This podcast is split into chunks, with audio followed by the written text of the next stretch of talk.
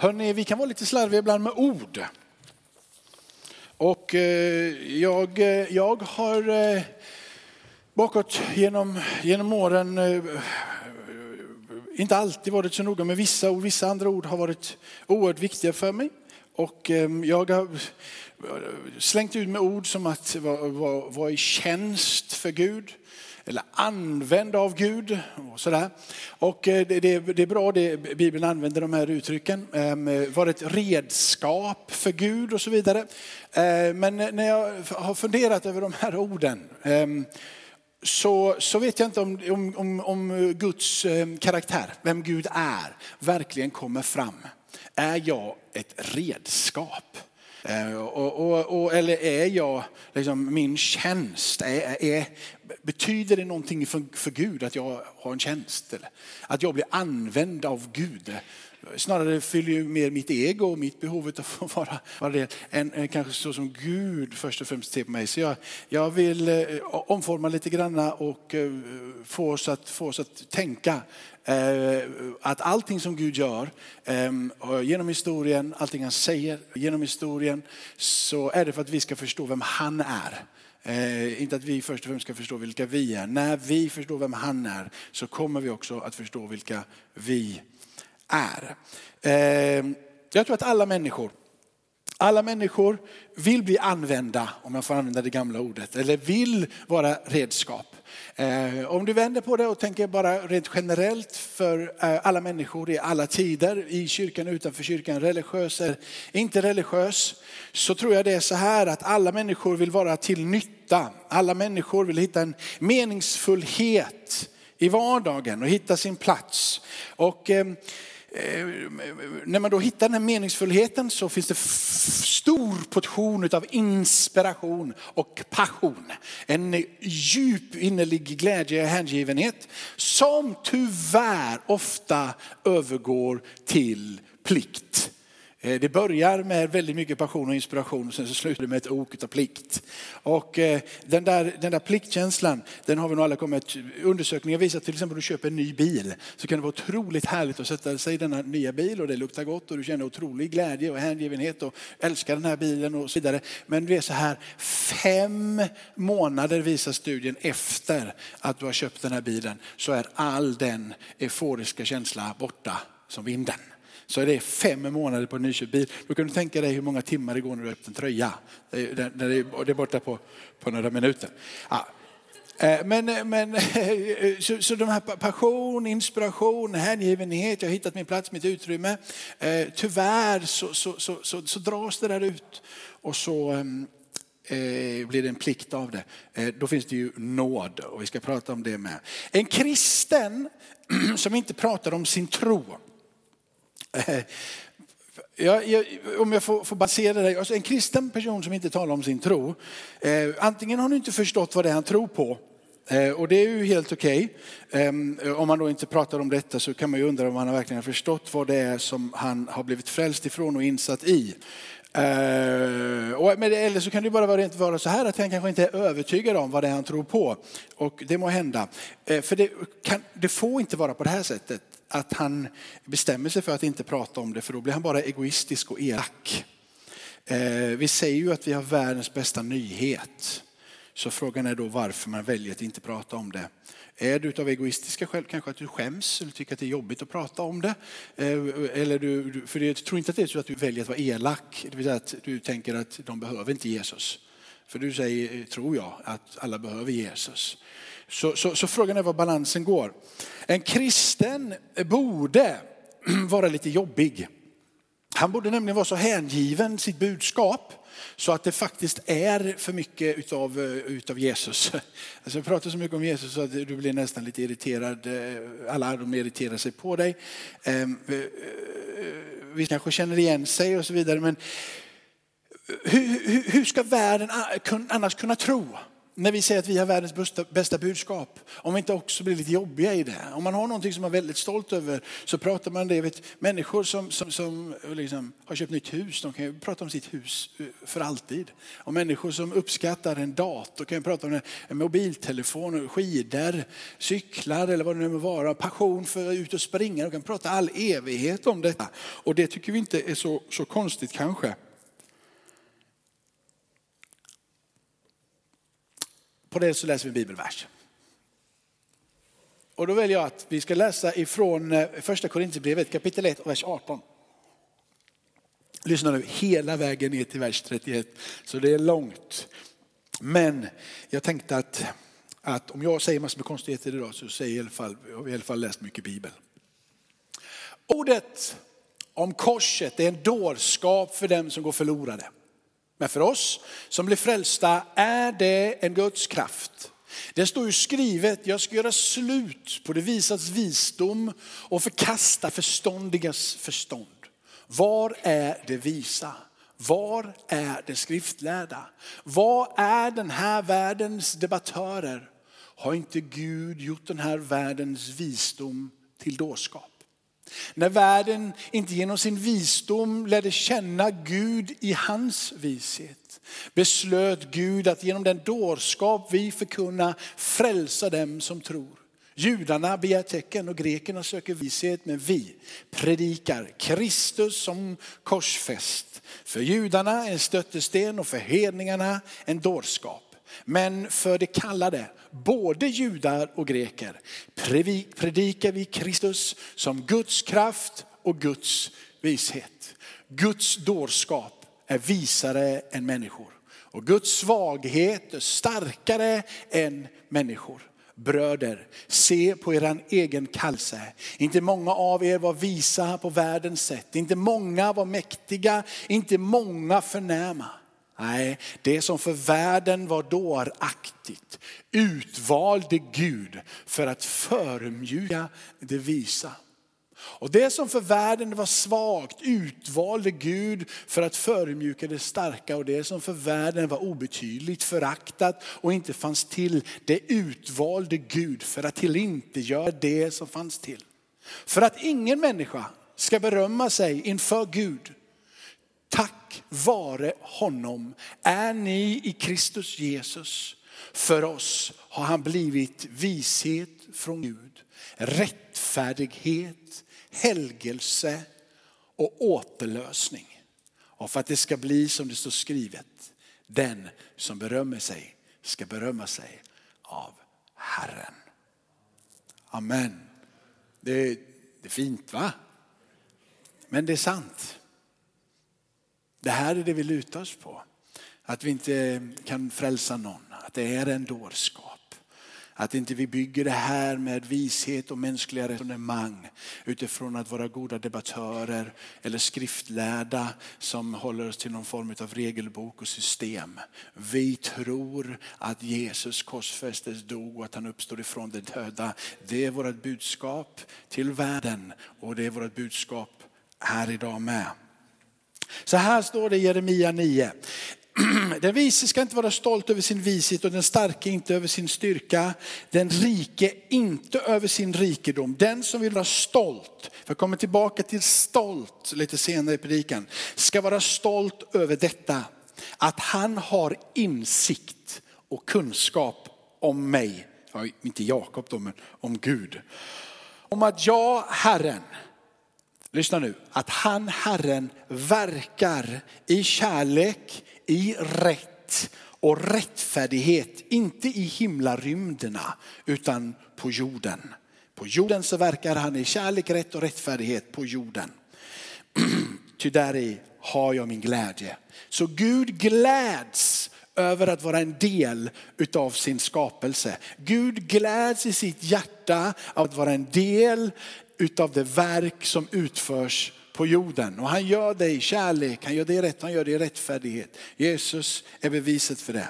I första andra Korintierbrevet så står det så här också. Ljuset ska lysa fram i mörkret och han har låtit ljus lysa upp våra hjärtan för att kunskapen om Guds härlighet som strålar fram i Kristi ansikte ska sprida sken. Det är Gud som uppenbarat det. Om vi kan förstå någonting av det så är det för att Gud har visat oss det. Vi kan inte ta det, vi kan inte läsa oss till det. Du kan läsa Bibeln och du kan kunna den utan till, men om inte Gud visar det, om inte Gud uppenbarar det, så finns det ingen kunskap som bär i det. För kunskapen blir Kristus, visheten blir Kristus och ingenting annat. Eh, du, den kristne eh, måste leva i världen. Och det är inte, det är inte, världen är Guds värld. Världen är inte liksom att, att den ondes värld. Eh, det står att den onde han agerar som om det vore hans värld, vill käka upp dig och mig och röva bort dig och mig och döda dig och mig. Men det är Guds värld. Gud skapade den och Gud skapade dig och mig till sin likhet och han satte dig och mig i hans värld. Det är inte någon annans värld, det är hans värld. Han är initiativtagare till den och han slutligen kommer att regera över hela universum och i varje människas hjärta som har tagit emot Jesus som Herre från evighet till evighet. Där ska det längre finnas någon sorg. Så, och den kristne, du och jag, vi lever i hans värld och vi lever av hans ord. Jesus är ordet och också det förmedlade ordet som är givet till dig och mig utifrån hans eh, apostlar och profeter, från gamla testamentet och in i nya testamentet nedskrivna för dig och mig. Så vi behöver leva av det. Och när vi börjar läsa det här ordet så mognar vi. När vi börjar läsa det här ordet och Herren öppnar ditt och mitt hjärta så börjar vi mogna som människor. Vi börjar mogna i förståelse om vem Gud är och vilka vi är. Så du behöver hans ande som verkar och du behöver hans ord levande i ditt liv. Sammantaget utav det så gör det att du mognar som människa till att slutligen som det står växa upp i fullheten utav honom som är Kristus. Han är huvudet för sin församling och du och jag växer upp i honom. Det är din och min resa, men det var Gud som först öppnade ditt hjärta. Sen så kommer det in någonting.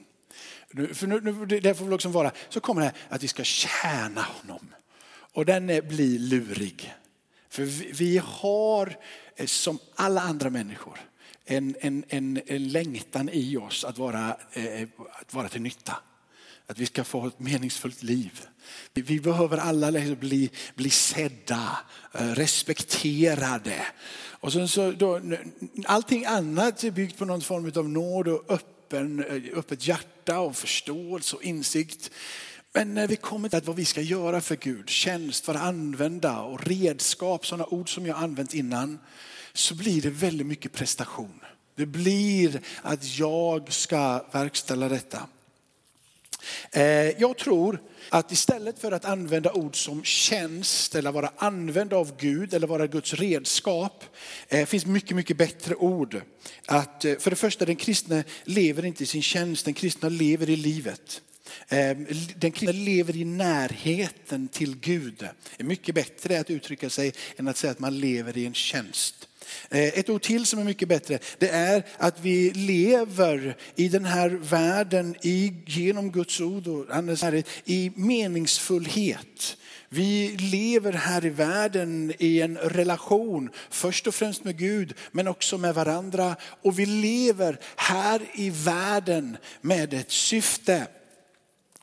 Gud eh, när Gud i sin nåd, eh, nåden kommer ifrån Gud, Gud ger sin nåd. Eh, och, och då, först då, när vi inser att, jag måste bara säga, nåd är, är luriga saker. Eh, för, så här, för ibland så vi trixar till det där lite grann. Eh, jag är uppvuxen med synda inte på nåden till exempel. Vad är det för något uttryck egentligen? Jag förstår vad de menar men det blir ju helt galet. Eh, så här, vi, vi, arbetaren är värd sin lön. Och vi säger bara, ja då är det. Arbetar du inte ska du inte få någon, få, få någon lön. I Guds rike så finns det ingenting som heter så. Det är tvärtom.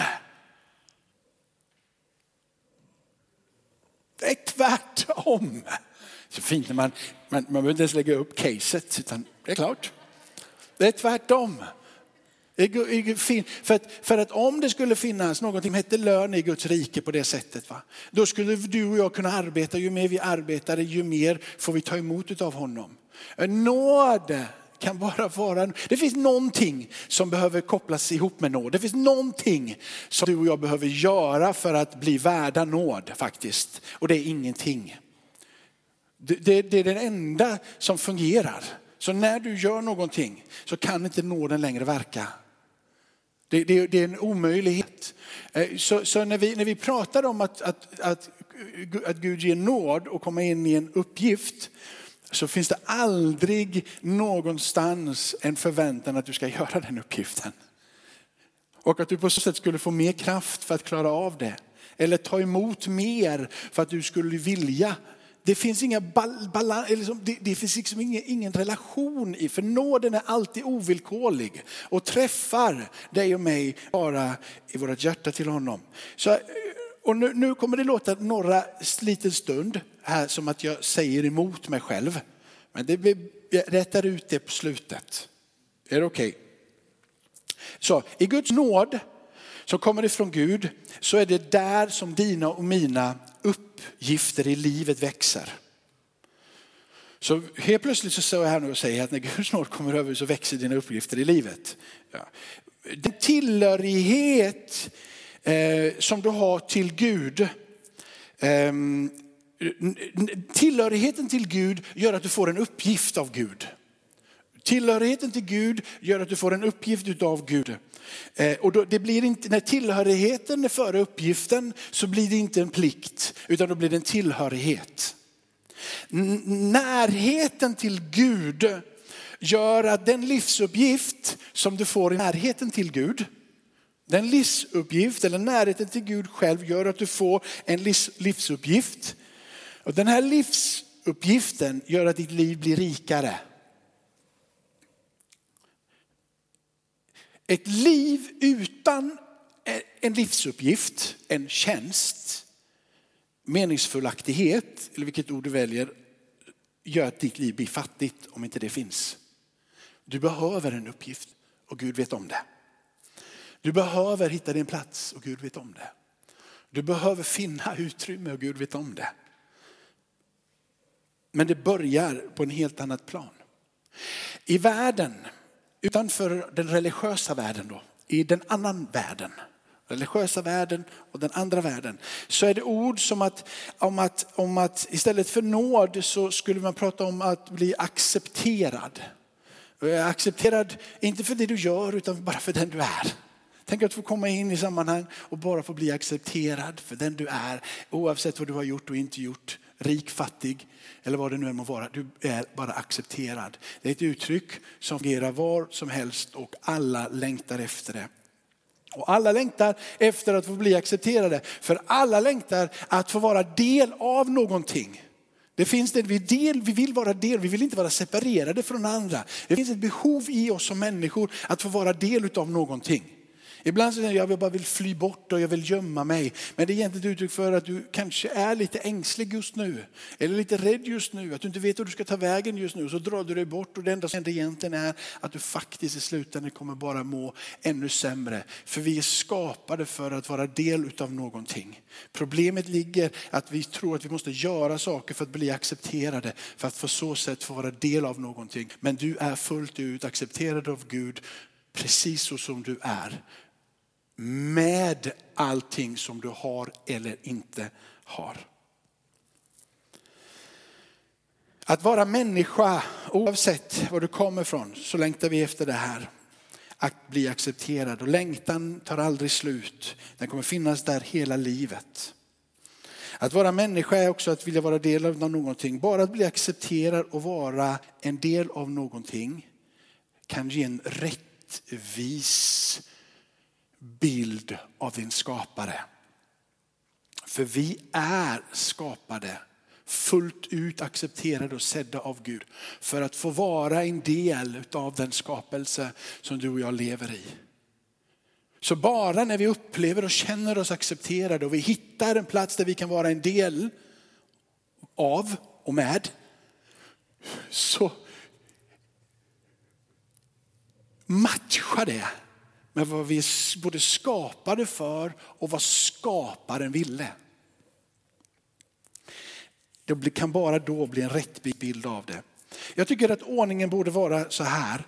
Eh, en gammal sång, min pappa lyssnade alltid på Ingmar Olsson i bilen när vi var små och så vidare, en kristen. Och, och han har, han har, han har det, det är någon, någon sån här, du vet väl om att du är värdefull och så vidare. Och man ska gå, han sjöng någonting, man ska gå två mil i mina mockasiner så vet du vem jag är och, och sådär liksom. Och så, så är det en av hans texter som säger så här, Gud, Fadern själv har accepterat dig. Du passar in i skapelsen och det finns en uppgift för dig. Den ordningen, ingen annan ordning. Du accepterar av Gud Fadern själv, du passar in i skapelsen och det finns en uppgift för dig. Så det här med arbetaren som är värd sin, sin, sin, sin, sin lön. Eh, det enda sättet då att inte få det här är ju, är ju egentligen att du reser dig upp i någon form av stolthet emot Gud. Du säger till Gud själv, jag vill inte ha med dig att göra. Och han tvingas inte på någon så han, eh, han, han på något sätt, han, möter inte dig. Så vilket gör att om, om, om arbeten är värd sin lön, ett perspektiv som du lägger på Gud, så, så måste du börja sudda bort det. Ehm, det innebär egentligen att Gud ständigt och jämt ger av sin nåd till alla människor, både rika och fattiga. Men stolthet i våra liv så väljer vi att lägga det som han har gett på bordet och gå därifrån. För han ger det hela tiden. Jag skulle också vilja drista mig så här långt att säga att om du är rik eller de som är rika, de som har hälsa och de som har ett gott liv generellt har en större risk över sina liv att missa Gud. De har en större risk att missa Guds nåd. Stoltheten i jag klarar mig själv, jag behöver ingen som hjälper mig Eh, eh, föder risken att missa. Jag tror att om du greppar av nåden så blir det, Martin Luther säger nåd och endast nåd och nåd alena och sådär. Och, och eh, eh, det som händer när nåden får, får träffa dig, att när du känner dig accepterad, om det är ett bättre ord för dig som inte är kyrkvald, när du känner dig accepterad. Det finns någonting också som händer när du känner dig accepterad, som är oerhört vackert och det är att du slutar jämföra dig med andra. Det, är, det, det sker på automatik. Jag känner mig accepterad. Jag behöver inte bli som Jonas och jag behöver inte bli som Benjamin. Jag, behöver, jag är accepterad så du slutar titta på, på, på Mohammed och liksom hur länge han har varit frälst eller inte varit frälst. Och du slutar tänka på om Håkan kommer till kyrkan eller inte kommer till kyrkan. Och du hittar helt enkelt, jag kan vara där jag är. Och kan du greppa det så är det för att Gud har visat för dig vad nåd verkligen är. nu blir vi pingkyrka på det. Amen. Ja, amen.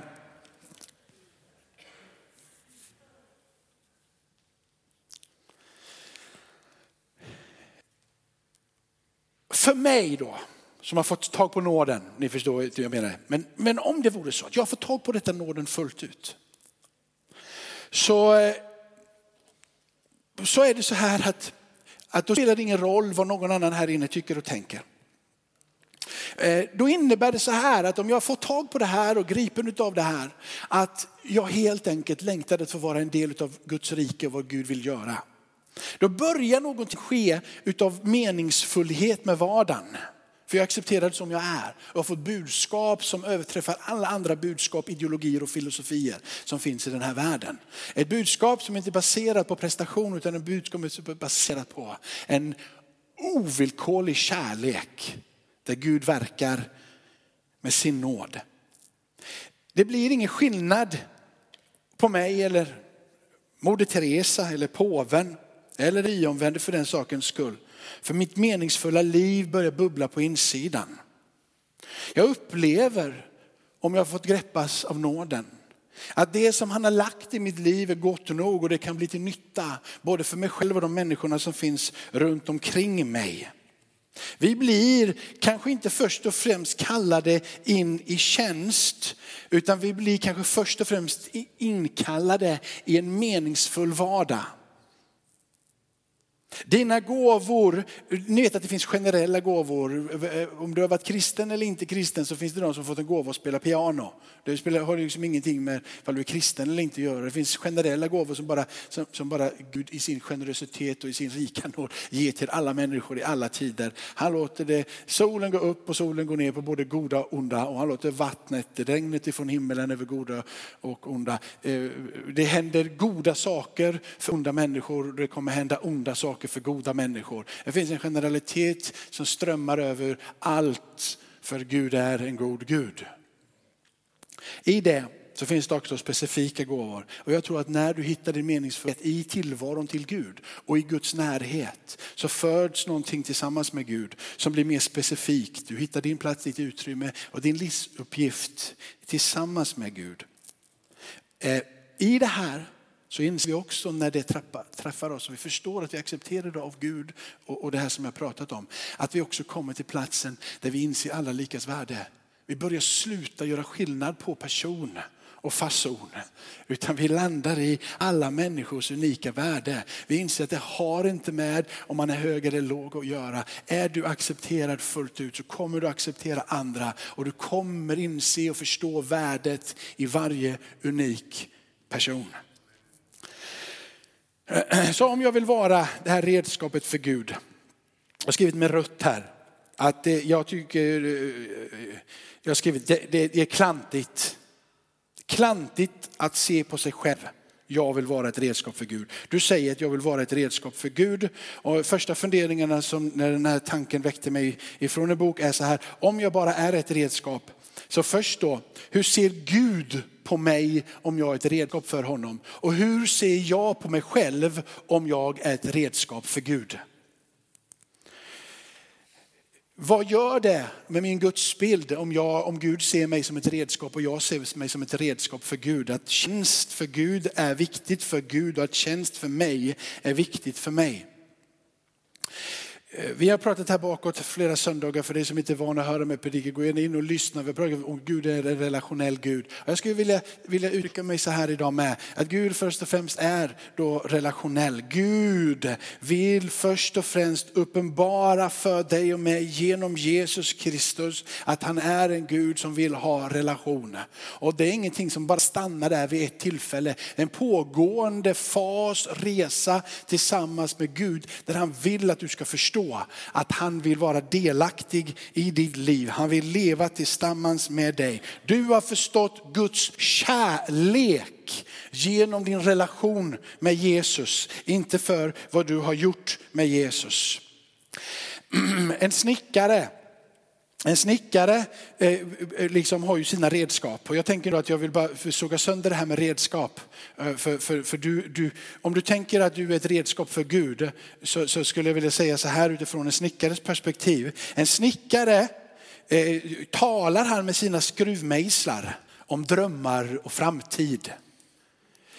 Eh, låter, talar snickaren och, och, och, och ger skruvmejseln råd Eh, och låter han eh, sin hammare veta sina innersta tankar och drömmar. Tänkte jag sätter mig framför mig också en hammare så säger jag nu har jag en hemlighet att berätta för dig. Du var lite fantasi själv för att nu börjar det iväg. Jag ska inte hålla på längre än till kvart, till kvart över. Det är sex minuter kvar. Så, så vet ju det, för då tror jag ändå att jag är 35 minuter eller någonting jag har på. Så att, men det, lyssna nu då. Snickaren, jag ska säga, han har ingen relation till sina redskap. Ja, det, det är i alla fall inte en sån relation som Gud vill ha med dig.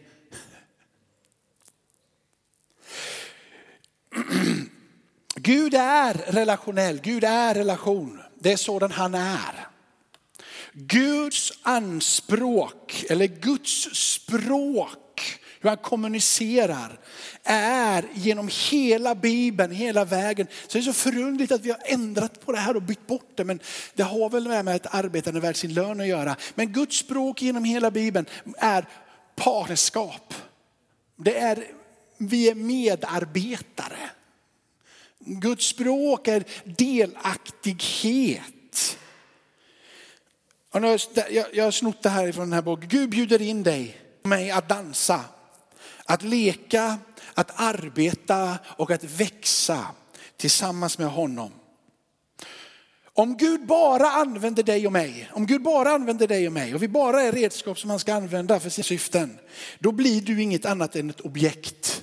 Precis som hammaren är ett objekt för snickaren eller skruvmejseln är.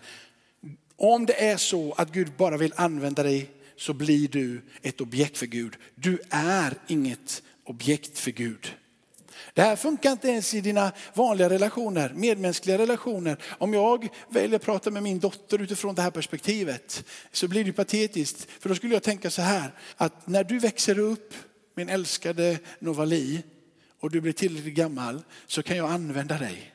Helt enkelt, jag kan utnyttja dig för att göra livet enklare och bekvämare för mig. Tilt, tänker inte så om våra barn. Hur kan vi tänka så om oss själva? Hur kan vi tänka så om oss själva i Guds församling? Vad har blivit fel i våra skallar?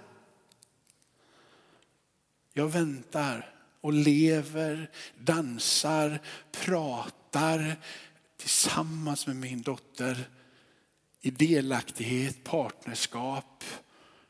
Och vi finner tillsammans en meningsfull vardag, syfte, närhet, att göra.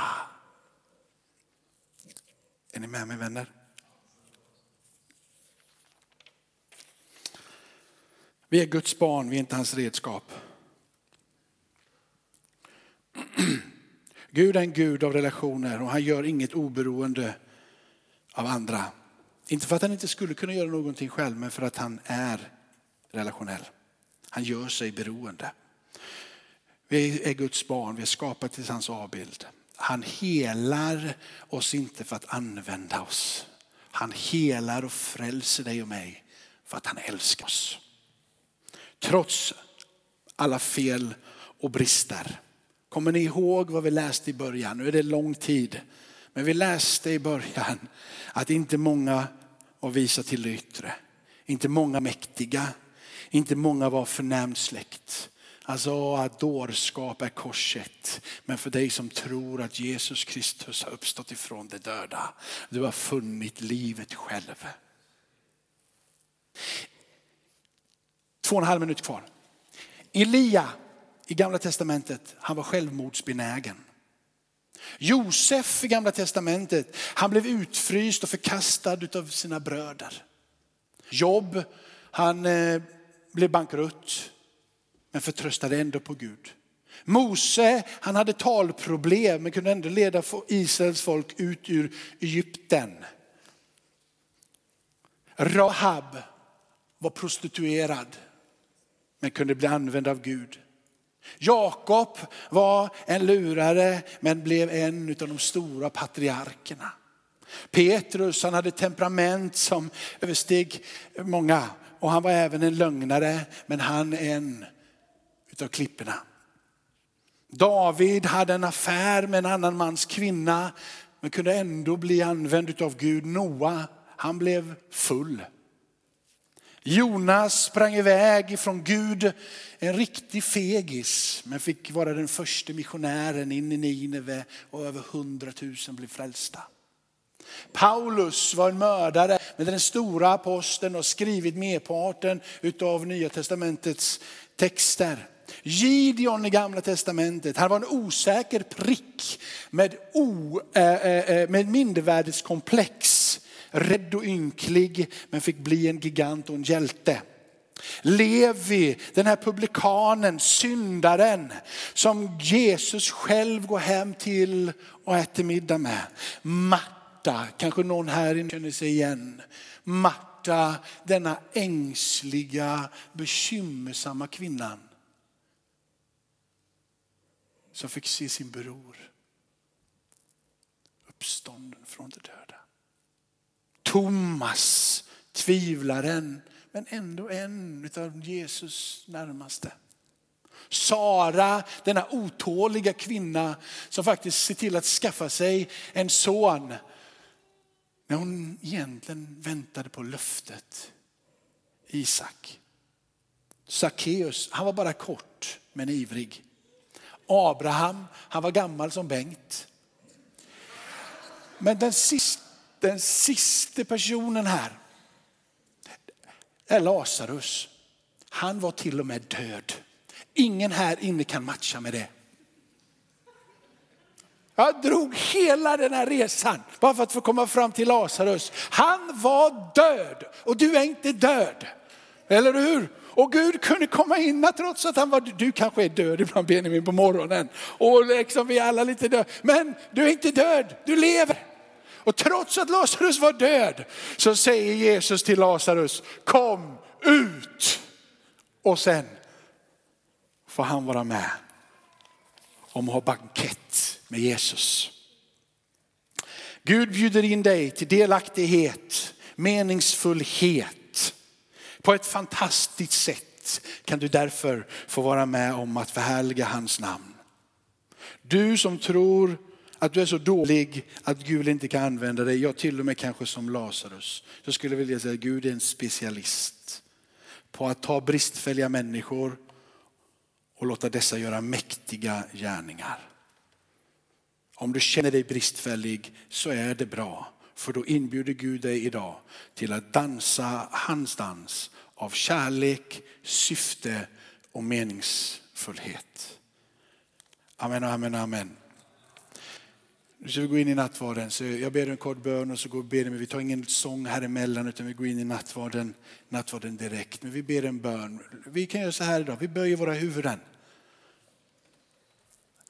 Jag ber Fader i himlen att vi skulle få det här som, som att vi, den här insikten djupt ner i våra hjärtan.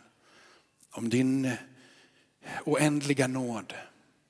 Att vi skulle idag i nattvarden här när vi inte kan prestera någonting och vi kommer till det dukade bordet få ta emot din nåd och känna att vi accepterar det utav dig själv.